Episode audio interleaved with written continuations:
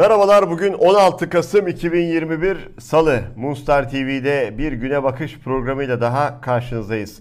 Sevgili seyirciler Cumhur İttifakı'nda neler oluyor? Bu soruyu sorduracak elbette önemli gelişmeler var. İlk tabii ki MHP lideri Devlet Bahçeli'nin o açıklamasıyla başladı her şey. Ondan sonra da MHP'nin önemli isimlerinden birbiri ardına adeta biz ortak değiliz. Biz AKP'nin günahlarına en azından ortak değiliz. Ee, biz sadece şu anda birlikte bir yol yürüyoruz. Benzeri açıklamalar geldi. Peki bu neyin işareti? İttifak suma alıyor yoksa bir şeylerin kötü gittiğini artık filmin sonunu mu gördü MHP ve tamamen o gemiyi terk etmek için bir fırsat mı kolluyor? Buna dair önemli bir analiz var. Buna birlikte bakacağız. Bununla birlikte son dönemlerde CHP lideri e, Kemal Kılıçdaroğlu'nun birbiri ardına yaptığı hamleler hem Erdoğan hem iktidarı çok rahatsız ediyor ve Kılıçdaroğlu gerçekten de toplumun geniş bir kesiminden bu anlamda hem destek görüyor hem de takdir görüyor. Yine böyle bir hamle vardı.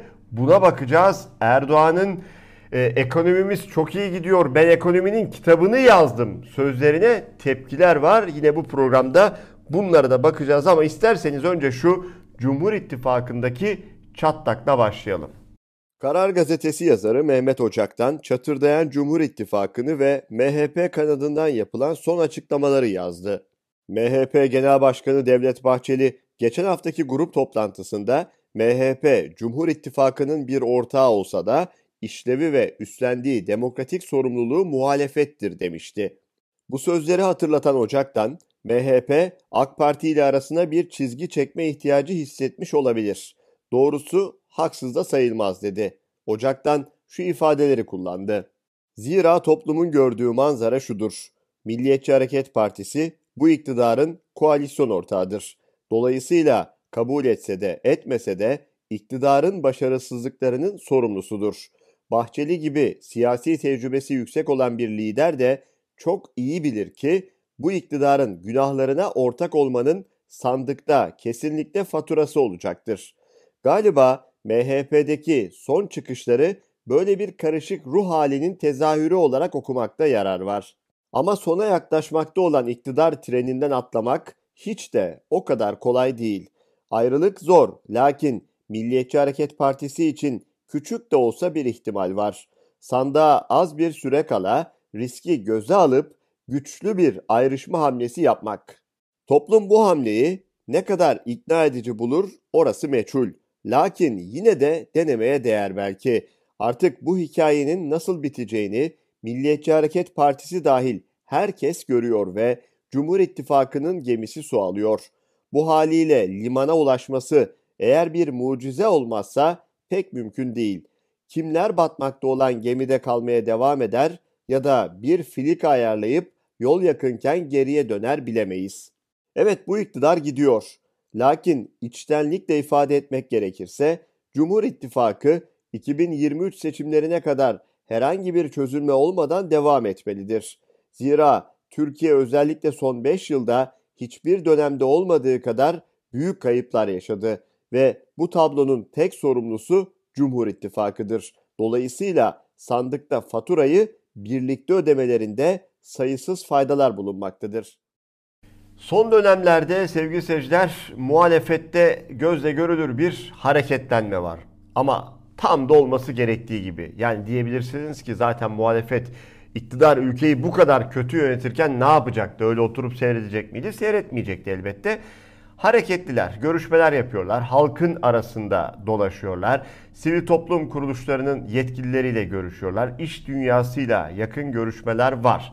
Önemli bir görüşme gerçekleşti. Özellikle şu son zamlardan sonra CHP lideri Kemal Kılıçdaroğlu Top Başkanı Rifat Hisarcıklıoğlu ile bir araya geldi. Sonrasında yaptığı açıklama dikkat çekiciydi. Zırvalıklar ve saçmalıklarla karşı karşıyayız.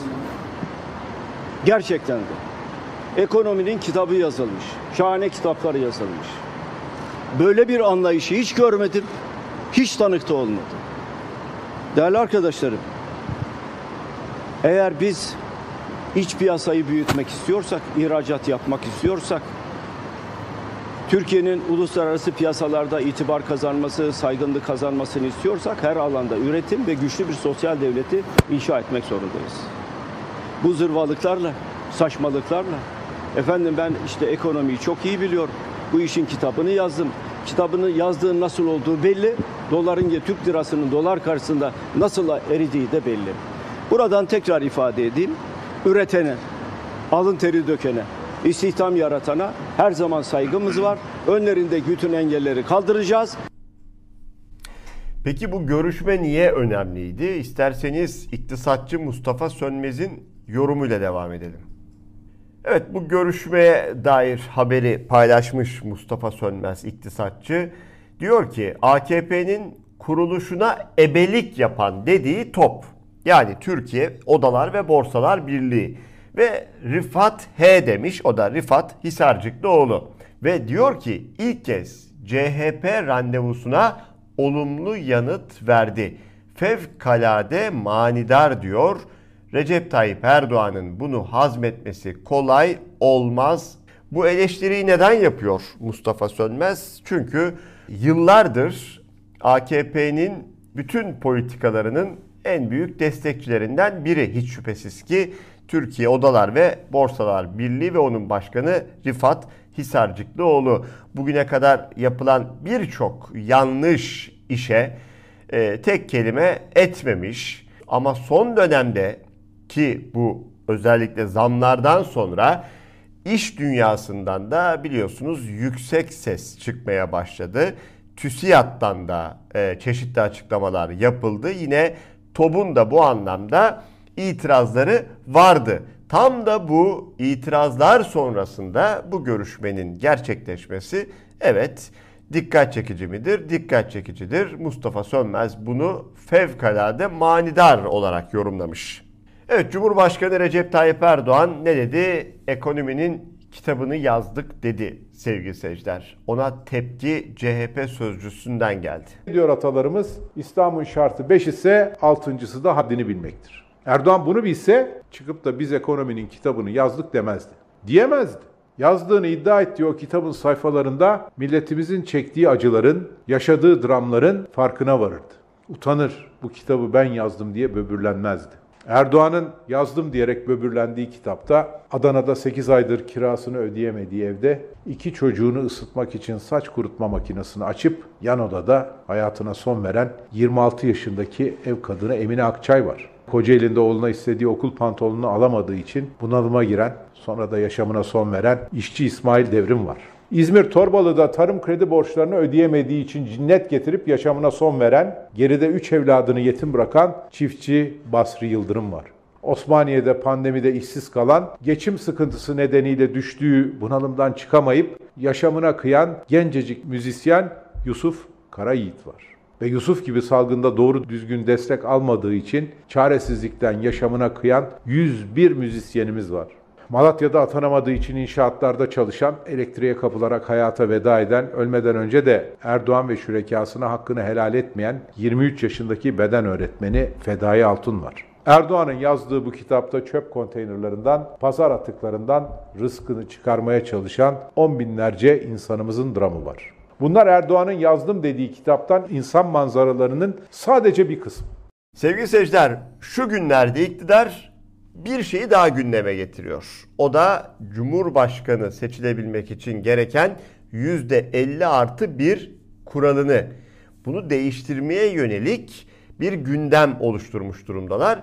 Bakın buna Deva Partisi lideri Ali Babacan tepki gösterdi ve diyor ki mevcut kurallarla seçime gitseler kaybedeceklerini biliyorlar. Oyunun mevcut kurallarına göre yeniden seçilemeyeceğinin farkına varmış olmalı ki kuralları değiştirerek acaba tekrar seçilebilir miyimin hesabına girmiş durumda.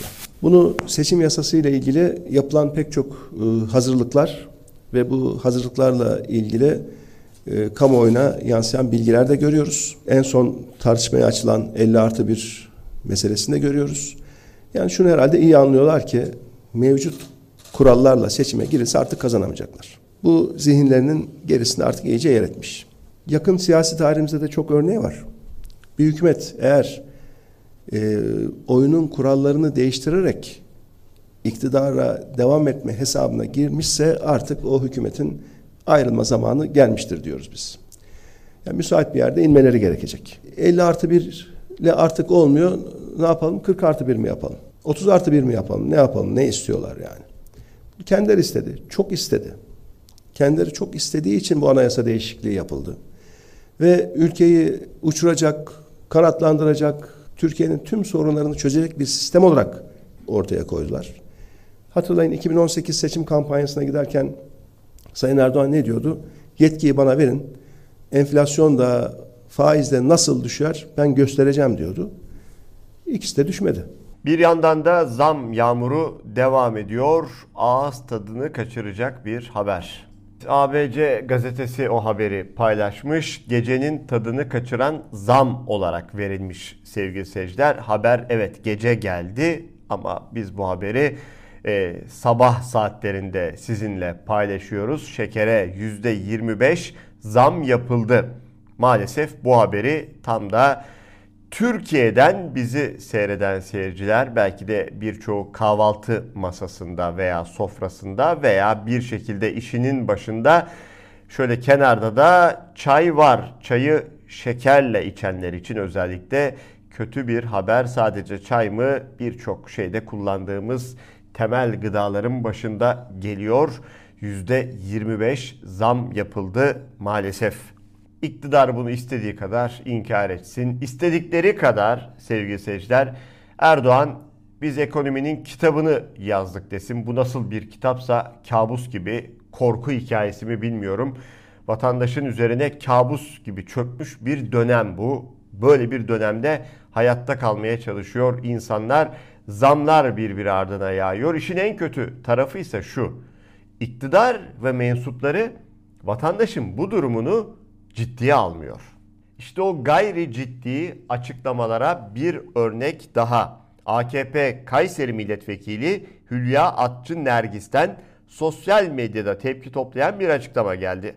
Katıldığı bir programda bir vatandaşın geçinebilmesi için asgari ücretin ne kadar olması lazım sorusuna cevap verdi Nergis. Peki ne dedi? Şöyle dedi. Bu konuda ben bir rakam söylemeyeceğim. Bilemiyorum. Onu düşünenler düşünsün. Allah da yardımcıları olsun. Vatandaşın vergileriyle maaşını alan bir milletvekili o rakamı diyor ben mi düşüneceğim diyor. Vallahi bilmiyorum ben mi düşüneceğim? Gazeteciler mi düşünecek? Halk mı düşünecek? Elbette biz düşünmeyeceğiz. Elbette siyasiler olarak siz düşüneceksiniz. Elbette geçim sıkıntısı yaşayan vatandaşın halini siz düşüneceksiniz ama bunların rahatları o kadar yerinde ki sevgili seyirciler halktan o kadar kopmuş durumdalar ki bu derece ciddiyetsiz bir açıklama yapmaktan bile rahatsız olmaz hale gelmişler maalesef.